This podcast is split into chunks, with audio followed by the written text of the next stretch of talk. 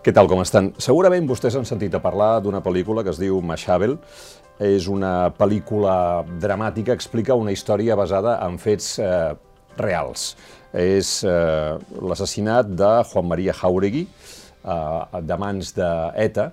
Mm, aleshores, eh, Jauregui ja no ho era, però durant un temps havia estat governador civil. Una història, una història eh, d'aquelles que et fa pensar que la vida moltes vegades és circular, no? Algú que en la seva joventut havia militat a neta, que després va deixar de, de militar-hi, va entrar al Partit Comunista, després al Partit Socialista, el van fer governador civil, eh, ho va ser durant dos anys eh, amb els socialistes, quan Felipe González va perdre les eleccions i va entrar José María Aznar, mm, va ser cessat, aleshores eh, va treballar, diguéssim, com a civil, li van buscar feina lluny del País Basc perquè estava amenaçat de mort eh, per ETA, va treballar a les Canàries, va treballar a Xile, de tant en tant anava a casa seva al País Basc, on hi tenia la seva dona i, i, i la seva família, i en un d'aquests viatges eh, un comando d'ETA el va matar amb un tret al clatell.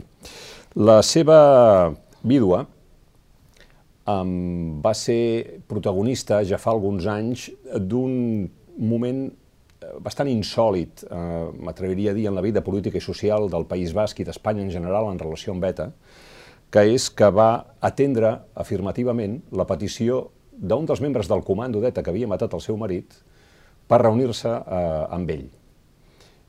I va dir que sí. Eh, bé, aquesta història, molt condensada, és la que explica la pel·lícula Machabel, actualment en cartellera.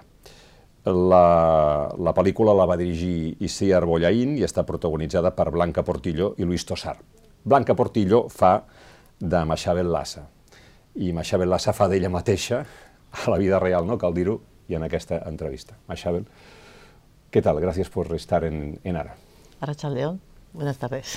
Um, ¿Quién le iba a decir usted que tendría una vida de película? Ya. no, no, es lo que se suele pensar como vida de película, ¿no? Ya. Pero... Sí, la verdad es que sí. No me hubiera imaginado nunca, la verdad. No, eso... No son las circunstancias más felices, pero ¿qué le dice el hecho de que su vida haya llegado a la pantalla? Bueno, eh, pues que algo de bueno habrá en lo que hicimos con los encuentros restaurativos y que por lo que se ve a alguien le resultó llamativo el hecho de, que se hiciesen esos encuentros y que se pudiese explicar en qué consistieron. Entonces, desde ese punto de vista, mm, pues me siento de alguna forma halagada porque participé en ellos, ¿no? Y, que además que lo hice con plena convicción de lo que estaba haciendo. Em, para mí, em, cuando nos viene esa propuesta por parte de los etarras que están en, en Anclares que quieren eh, establecer contacto con víctimas porque querían manifestarles su pesar de lo sucedido y, no sé, pues de alguna forma acercarse a las víctimas para, dar explicaciones de alguna forma de lo que hicieron, ¿no? No explicaciones, sino que, no justificaciones, pero sí explicaciones, ¿no? Y, bueno, eh, yo siempre he creído que la política penitenciaria tiene que estar encaminada a la reinserción de los presos, eh, por mucho daño que hayan cometido, por mucho dolor que hayan producido, y pensaba que estas personas, de alguna forma, en su recorrido personal, habían hecho una autocrítica de su pasado, eh, reconociendo el daño causado, todo el dolor producido, y que seguramente si volviesen a nacer no volverían a hacer lo que hicieron. ¿no? Entonces, ante esa tesitura, eh, me pareció, pues por mi parte, ya que pensaba de esa forma, pues que les tenía que dar esa segunda oportunidad que pienso que nos merecemos todos. ¿Todo eso se lo dijeron en los términos que usted me lo ha contado ah, ahora mismo? ¿No lo volvería a hacer? O sea... Hombre, eh, en esos términos o parecidos términos. Eh, yo, claro, la primera vez que estuve en Anclares eh, estuve con, con, Luis Carrasco, que fue el primero que solicitó estar conmigo. Que era del comando que asesinó a su marido. Eso es, el del comando que asesinó a mi marido. Y, yo iba a preguntarle sobre, sobre todo de Juan Mari, si sabía quién era, eh, sobre su vida política, si sabía que tenía mujer, tenía hija, eh, que si sabía todo el sufrimiento que nos había producido. ¿no? Disculpe, que si sabía que había estado en ETA, muy al principio. Sí. que, había declarado para que acusasen a Rodríguez Galindo, el general Rodríguez Galindo, de torturas. Sí, sí, todo eso. Todo eso le pregunté. ¿Y qué le dijo? Y no tenía ni idea, solamente sabía el dato concreto de que había sido gobernador civil de Guipúzcoa. Entonces ya claro, que era lo que justificaba el asesinato. Eso es. Y que ellos tenían órdenes de arriba y que o sí o sí eh, su objetivo era matarlo. Y es más, yo cuando les le pregunté, porque yo em, cuando Jamari viene de Chile a estar con la familia y con los amigos, em, él, o sea, eh, él es una persona que está con todos los amigos, se mueve por aquí, se mueve por allá. Y, claro, eh, era un objetivo fácil de, por parte de, ellos también, de ETA, pero yo les pregunté, yo le acompañaba también a Juan Mari en esos encuentros que hacía con distinta gente, ¿no? Y justo el sábado anterior había estado con ellos, con él, vamos, y con el amigo este en concreto con el que estuvo, con el que estaba en el momento en que le mataron. Y le pregunté directamente, si hubiera estado yo allí, ¿le hubierais matado? Y me dijo, sí, sí, nosotros teníamos órdenes de matarle y le hubiéramos matado, estuvieses tú o estuviese cualquier otra persona. El objetivo era ese. Entonces, como el hecho de que se suerteaban a quien mataba o quien disparaba. Sí, porque eran tres, ¿no? Sí. Pero uno era el autor material, digamos. Sí. Pero ellos se consideran, eh, a pesar de que esta persona eh, no fue el que disparó, pues se considera igual igual de culpable que el que le disparó, claro. Estas ah, explicaciones que no justificaciones que le dio, ¿fueron restaurativas para usted? Sí, sí, yo creo que yo no pensaba que me iban a, producir esa sensación de, paz interior. El pensar que esa persona que mató a Juan Mari ahora mismo eh, no sería capaz de hacerlo otra vez, es imposible recuperar a Juan Mari. Eso está claro. Pero el yo darme cuenta de que esa persona cuando salga de la cárcel va a salir eh, no pensando que es un héroe, sino que todo lo contrario, ¿no? de que de alguna forma fue un monstruo lo que, lo que hizo hacer aquella barbaridad. ¿no? Entonces, eh, y que no es ningún salvapatrias, pues a mí de alguna forma me reconforta, porque de alguna forma digo, claro, eh, porque es una persona que además entiendo que desde su punto de vista y desde el mío también, eh, ha sido una persona valiente enfrentándose a la organización, eh, ha sido capaz de decir a, la organización hasta que hemos llegado, no quiero saber nada de vosotros, con lo que eso supone. Eso supone allí, al menos, supone que pasas de ser un héroe a ser un traidor, como se ve perfectamente en la película, si la has visto al menos, eh, con el consecuente hecho de que su familia también es de alguna forma eh, em, apartada del entorno donde él vivía hasta ese momento y todo eso hay que, hay que llevarlo. O sea, es decir, no me gustaría estar en el pellejo de, ni de Luis ni de... Ni de su madre, ha dicho Ni de su madre. Sí, sí, yo eso les dije a los dos. Es que me salió del alma, además. Yo soy madre y pensar que un hijo mío ha podido matar a alguien para nada y por nada, simplemente porque alguien le ha dicho que tiene que matar usted a esta persona, pues eso tiene que ser terrible para una madre, ¿no? Y hay que vivir con eso todos los días. Eh, estos, estas personas se levantan, se acuestan todos los días pensando en lo que hicieron y se levantan con lo que hicieron. Y eso hay que saber llevarlo. Es difícil, yo creo que tiene que ser muy difícil. Y me consta que además ellos no siempre están de la misma forma, con la misma moral de todos los días, sino que tienen días de mucho bajón, de, de, darse cuenta que, que fue terrible lo que hicieron y que es imperdonable. Como dicen ellos, ¿no? Le dicen, es imperdonable. Sí. O sea que no le pidieron perdón. Sí, eh, uno de ellos me pidió perdón, pero el otro no me pidió perdón porque pensaba que es imperdonable. Por eso le digo, Sí, sí, sí, sí. Y disculpe, ¿y perdonó al que le pidió perdón? Yo eh, a ambos dos les he, les he dicho, a ambos dos no, al que me pidió perdón, Sí. Le dije no te voy a contestar si te perdono o no te perdono. Yo solamente te digo que te voy a dar una segunda oportunidad. ¿Y en qué consiste una segunda oportunidad? Pues consiste en que esa persona cuando salga de la cárcel pues pueda rehacer su vida. Eh, a fin de cuentas va a vivir entre nosotros, no sé si cerca o lejos o... Y pienso que tiene los mismos derechos que todo ser humano de poder rehacer su vida, de tener su trabajo, etcétera, etcétera. ¿no? Eso es lo que eso es para mí una segunda oportunidad. Lo suyo me parece tan encomiable, incluso lo hablábamos en la redacción, que, como se puede imaginar, eh, casi casi con lo que nos ha contado ya tendríamos suficiente. ¿no? Pero si llegaron hasta este punto, ¿por qué no lo perdonó? Pues por una sencilla razón. Para mí la palabra perdón tiene unas connotaciones religiosas en las cuales yo no creo. Yo soy agnóstica mm, y, y prefiero hablar de convivencia, prefiero hablar de... No hablo tampoco de reconciliación, ¿Por qué? porque yo no me he enfadado con nadie. Hombre, aquel día estaría muy enfadada. Pero no el enfado, el enfado puede ser un, un momentáneo. Transitorio. Transitorio. No, ha, ha procurado no vivir enfadada. No, no. He procurado eso. Y he, he procurado transmitir eso a los que están a mi alrededor. Porque con el odio, con la venganza, con el, con el encerrarte en, en lo que te han hecho, no consigues absolutamente nada. Entonces yo no quiero transmitirles eso ni a mi hija ni a mis nietos, por supuesto. Claro, decía, por tanto, ni perdón ni reconciliación. Y lo deja en segunda oportunidad, Sí, convivencia, convivencia.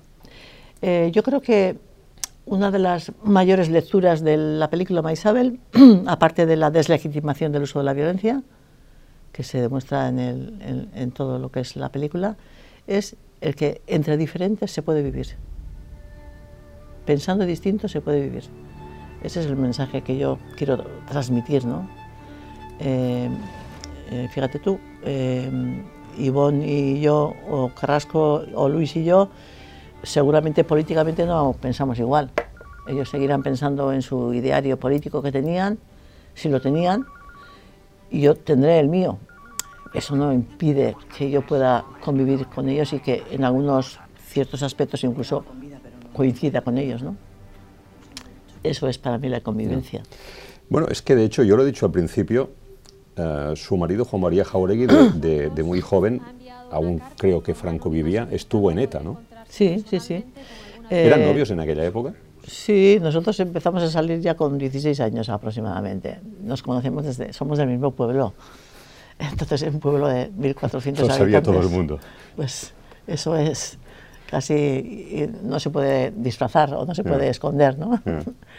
Pero sí, eh, hombre, eh, yo creo que en aquella época somos, los dos somos de la misma edad, o éramos de la misma edad. Tiene so- sobre 70 años, creo, ¿no? Eh, sí, nacimos los dos en el 51. Sí, 70. Sí, Eh, yo todavía no los he cumplido. Ah, bueno. Los voy a cumplir dentro de 69, nada. no hay prisa. No, no, pero bueno, él hubiera tenido ya 70. Sí. Y claro, eh, ten en cuenta que vivíamos en plena dictadura, con lo que eso supone, de falta de libertades de todo tipo. Entonces, eh, eh, él estaba militando en ETA, pero yo diría que en la ETA mm, cultural, ¿no? Político-cultural, de alguna forma, ¿no? Y, y Juan tuvo, no sé si llamarle suerte o no, eh, fue detenido pues, durante el proceso de Burgos y luego un poquito más tarde también estuvo detenido por otra causa que, pues eso, de un comando que es detenido por hacer, cometer un atraco.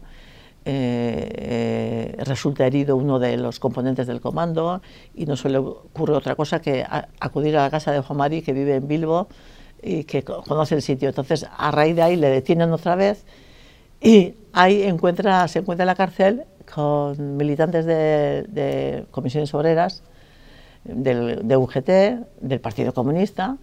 Ahí conoce a muchísima gente, a Tomás Tueros, a David Morín, a Carlos Alonso Zaldívar, en a incluso a Nicolás Redondo, padre.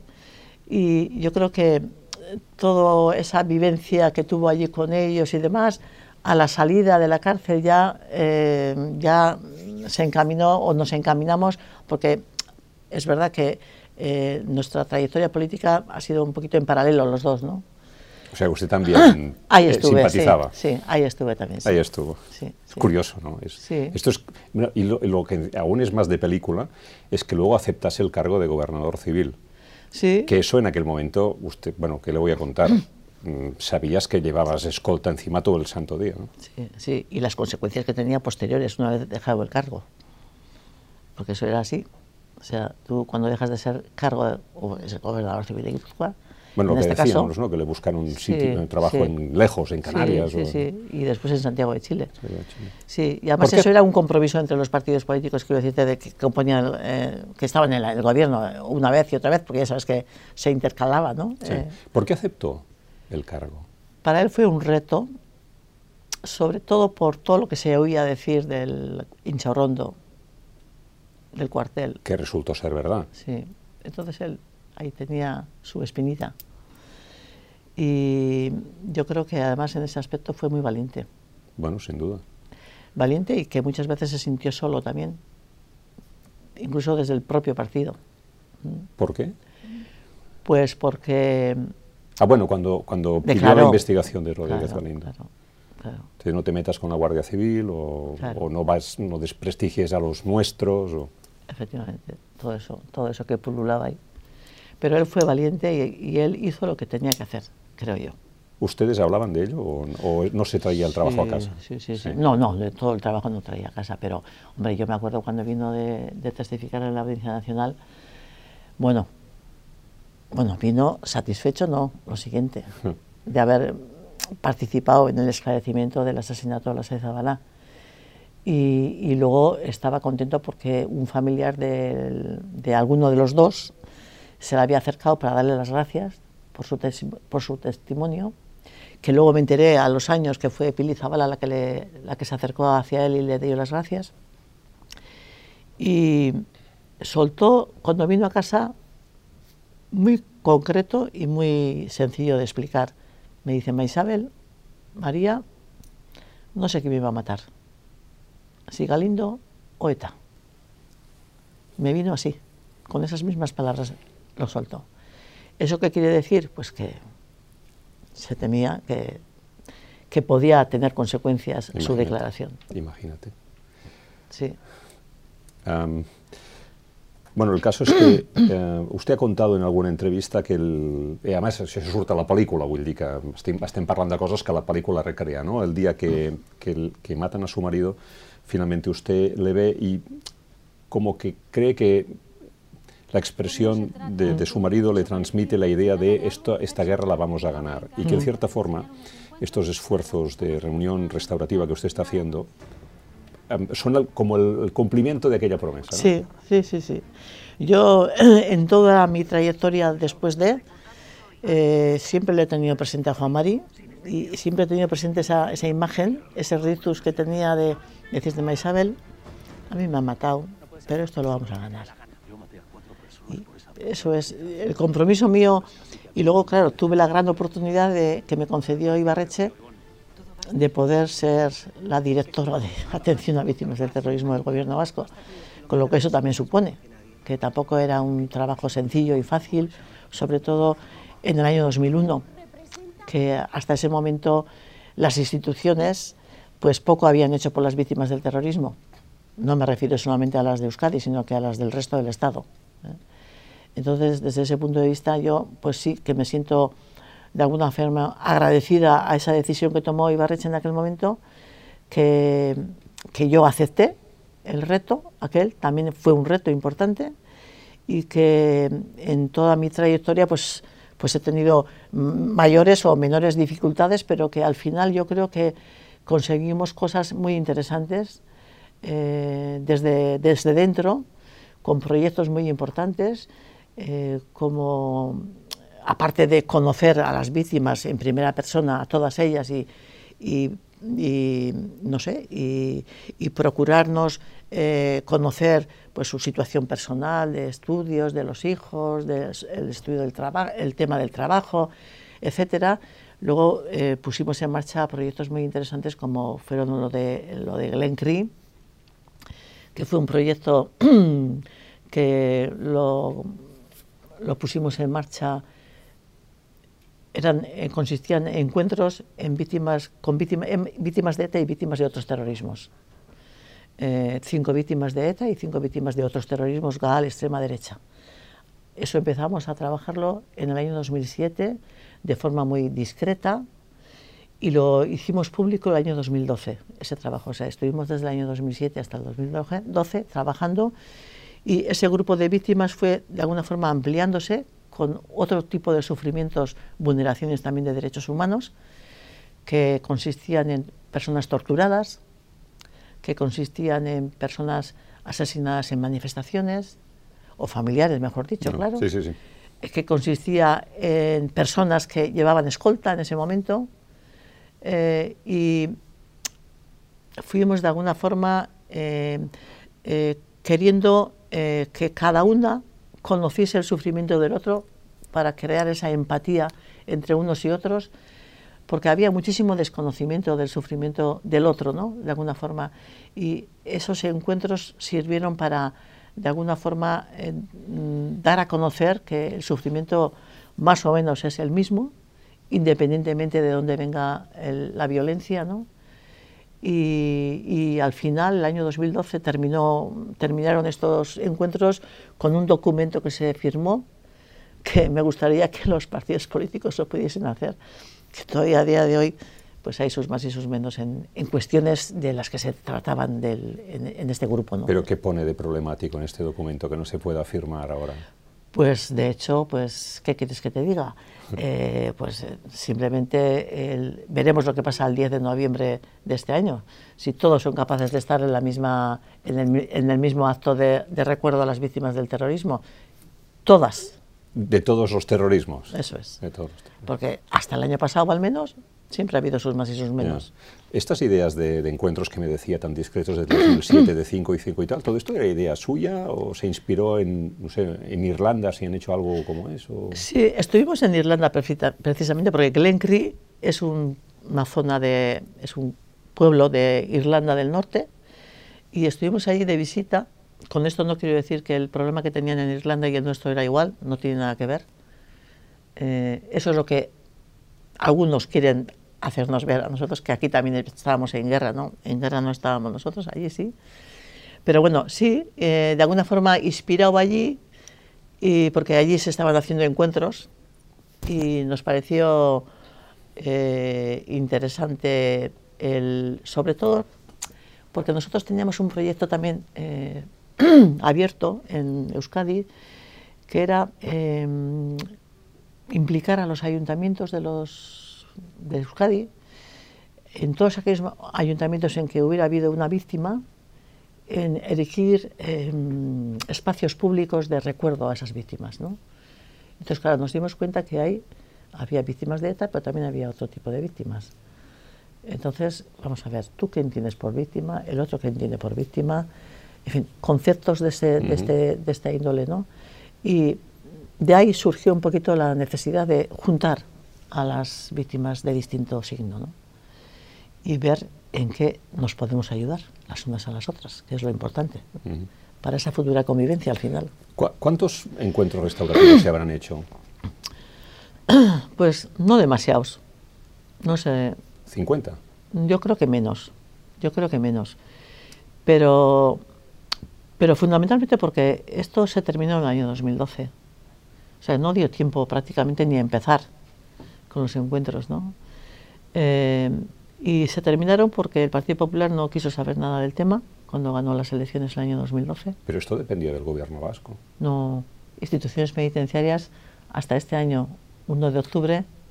No, ya, pero usted trabajaba para, para el gobierno vasco. Sí, pero nosotros, eh, si, si esto sucede el año 2011, es porque hay unas coincidencias eh, políticas que son el Gobierno Central, Partido Socialista, Gobierno Vasco, Partido Socialista. Eh, claro, instituciones penitenciarias estaban en manos del Partido Socialista, Mercedes Gallizo en ese caso. Y hubo distintas coincidencias que hicieron posible que esto se pudiese... Quiero decir que, que, si, que si el Partido Popular que gobierna instituciones penitenciarias no, no ayuda, no pueden hacerlo ni de tapadillo. Es decir, bueno, voy a la cárcel hicieron, a ver a este. Se, hicieron, se hicieron, pero fuera de la cárcel. Bueno, sí. Se hicieron, de hecho, el que yo hice el año 2014, estoy hablando de- termina en el año 2012, pero hay, quedaron pendientes algunas para hacer. Sí, Entonces, sí. gracias al tesón de los mediadores, porque los mediadores estaban convencidos que este trabajo era importante y era necesario, pues yo lo, lo hice con Ivonne Echezarreta el año 14, pero fuera de la cárcel, en un permiso que tuvo él, y lo hicimos así. Bueno. Y alguno más también se ha hecho así. Ya, pero esto lo dificulta, sin Sí, duda. sí. Ya. Am, claro, ah, después de todo esto, mm, hemos tenido ah, un tiempo en el que, me lo decía Jesús Eguiguren, no? Él, él decía en una, en una declaració que ens va fer aquí al diari Ara amb un reportatge que van estar fent al País Basc, El Parlamento español no ha emitido ninguna declaración felicitándose o admitiendo el final de ETA.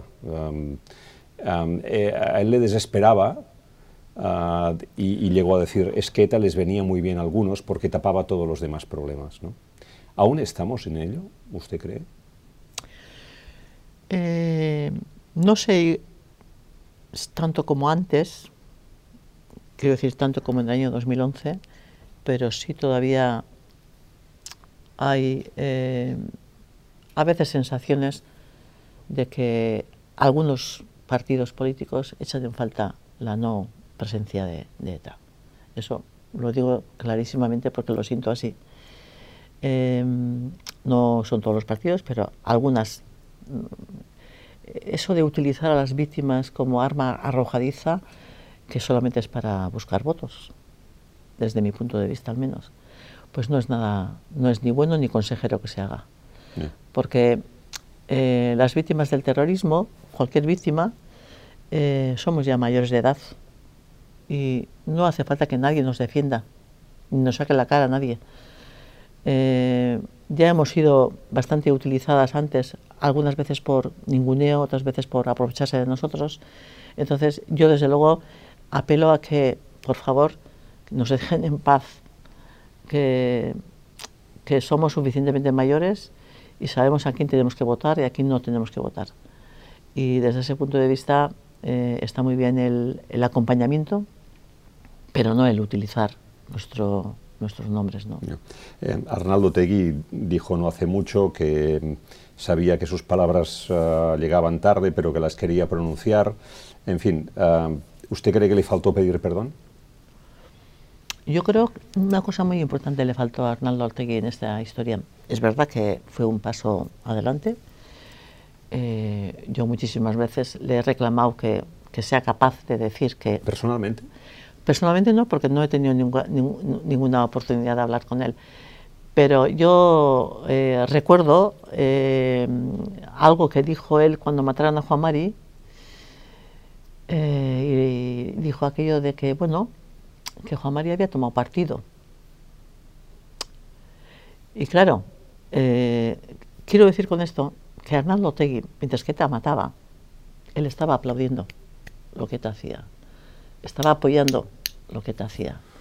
Entonces yo creo que tiene muchísima responsabilidad en todo lo que ha sucedido, o mucha, o no to- toda no, pero mucha responsabilidad. Entonces, el que él también haga una autocrítica no estaría de más. Creo. Pero Ayudaría, y no solamente el decir y el decir lo que dijo, sino que luego con hechos, ¿no? Bueno, él se reunía con Eguiguren en un caserío para intentar terminar. Sí, sí, sí. No, yo, asesinatos, ¿no? yo reconozco todos esos pasos que ha dado, pero Le hablo del año 2000, más Sí, o sí, menos, ¿no? Pero luego le faltaba ese... Ya, el hacerlo público. eh, sí, eh, eh, una de las cuestiones que alegaba para no estar presente el, año, el 10 de noviembre de cada año era precisamente que no reconocía que, que había que decir que lo que sucedió no tenía que haber sucedido. Y ahora ya lo dice. Ahora ya lo ha dicho. Por ejemplo, pues eh, en los homenajes que celebramos todos los años a Juan Mari eh, cada 29 de julio, pues yo creo que de hace cinco años aquí aproximadamente, pues empieza a aparecer gente de la izquierda Berzale en ese homenaje. Y me parece estupendo y bienvenidos sean. Quiero decirte que la cuestión es, eh, yo creo que con todo esto es hacer pedagogía, eh, educar o, enseñar a la gente o, o dar a conocer a la gente que el uso de la violencia no se debe de utilizar, o sea, que hay que deslegitimar el uso de la violencia, ¿no? Y que de alguna forma eh, hay responsabilidades por ahí sueltas, porque la violencia se ejerció por parte de ETA y también se ejerció por parte de, como hemos estado diciendo a, lo largo de la conversación, por otros terrorismos, ¿no? Incluso violencia del Estado. De violencia del Estado, sí, sí, sí. Entonces, hay responsabilidades distintas que, que los responsables están ahí que todos hicieron cosas que no debían haber hecho o, dejaron hacer y que todo eso se tiene que poner encima de la mesa y que no puede ser que, que este marrón que tenemos nosotros, los de nuestra generación, se lo pasemos a los que vienen detrás. Eso lo tenemos que solucionar nosotros, digo yo. Los de la generación que vienen detrás, ¿Es posible que al no haberlo vivido no, claro, no le den la importancia que le dan ustedes y tampoco marque tanto sus vidas? No es el caso de su hija porque se quedó sin padre, pero en general, ¿no? Hombre, aunque... aún, aún, marca el día a día del País Vasco. Pero yo creo que yo creo que mm, las futuras generaciones también eh, deberían de conocer. Yo creo que conocer eh, lo que sucedió fundamentalmente con el ánimo de que no vuelva a ocurrir. ¿Lo, lo conocen ahora? Eh, hombre, un chaval que tiene ahora 20 años, eh, hace 10 años tenía 10. Si en casa no lo han hablado, que seguramente no lo habrán hablado, ni en la escuela se ha hablado del, Porque es delicado, es muy delicado. Por eso, es delicado. Entonces, por eso, em, películas como Maisabel o, o, otras series que existen publicadas, son, al final son instrumentos eh, que te sirven para explicar lo que sucedió a los jóvenes, a los más pequeños, pero sobre todo con ese, con ese input de, de no producirse de nuevo. ¿no? ¿Se ha reunido usted con público infantil, para decirlo así, alguna vez, para explicar todo aquello? Eh, yo no, pero eh, hay un proyecto que pusimos en marcha que no he comentado antes, que nosotros le denominamos víctimas educadoras, eh, que eran víctimas que iban a los centros escolares, chavales de 14, 13, 14 15 ahí, para explicar eh, eh, lo que sucedió, lo que les sucedió, pero siempre con, con ese espíritu ético y pedagógico de, de no repetición. ¿no? y es impresionante el silencio de esas aulas cuando, cuando escuchan a estas personas. Yo eh, he estado con chavales, pero no tan pequeños, he estado ya con chavales de universidad. Entonces, pero también es impresionante el silencio con el que te escuchan. Cuando alguna amiga suya le ha dicho, tú, Maishabe, lo que pasa es que eres demasiado buena, ¿qué les ha dicho? A mí me da vergüenza oír esas cosas, si quieres que te diga la verdad y, me, ocurre mucho ahora... Y, se lo voy a hacer un poco más duro. Y tendrías que ser más dura. ¿No se lo han dicho esto nunca? Eh, menos. Menos me han menos, dicho. Menos, pero alguna vez. Sí, alguna vez, sí. Alguna vez, sí. Pero bueno, yo... Eh, mira, Juan Mari, las personas que le, conocen, que le conocieron a Juan Mari eh, saben perfectamente cómo era él si él era un muñidor de, puentes, de crear encuentros, de, era un hombre que le gustaba debatir con distintos, eh, era muy, no sé cómo decirte, era como una especie, eh, un verso libre, ¿no? Eh, él militaba en un partido político, pero bueno, de aquella manera, de aquella manera.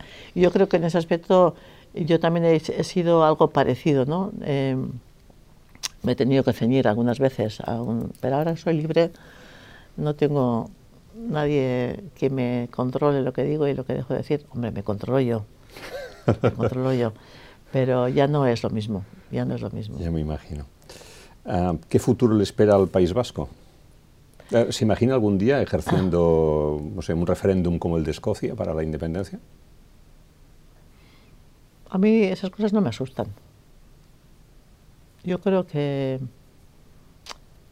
eh, espero que todo vaya relativamente bien. Eh, si somos tolerantes, respetuosos con el otro, que yo creo que son las bases fundamentales, yo creo que con respeto eh, puedes decir casi todo. Puedes opinar de casi todo pero yo creo que es fundamental el escuchar, que te escuchen también, pero el escuchar también, yo creo que no estamos acostumbrados mucho a, escuchar al otro, ¿no? Al, distinto, al que piensa distinto. Y yo creo que es un ejercicio que deberíamos de, deberíamos de ejercitar más, ¿no? Eh, y nos ayudaría a comprender muchas cosas. Xabel, Lassa, muchas gracias por haber venido. Es Casco. Gràcies a vosaltres, Esquer. I a vostès també gràcies per haver-nos vist. Els esperem, com sempre, a ara.cat amb nous contactes informatius en aquest plató Balara. Fins a una pròxima ocasió.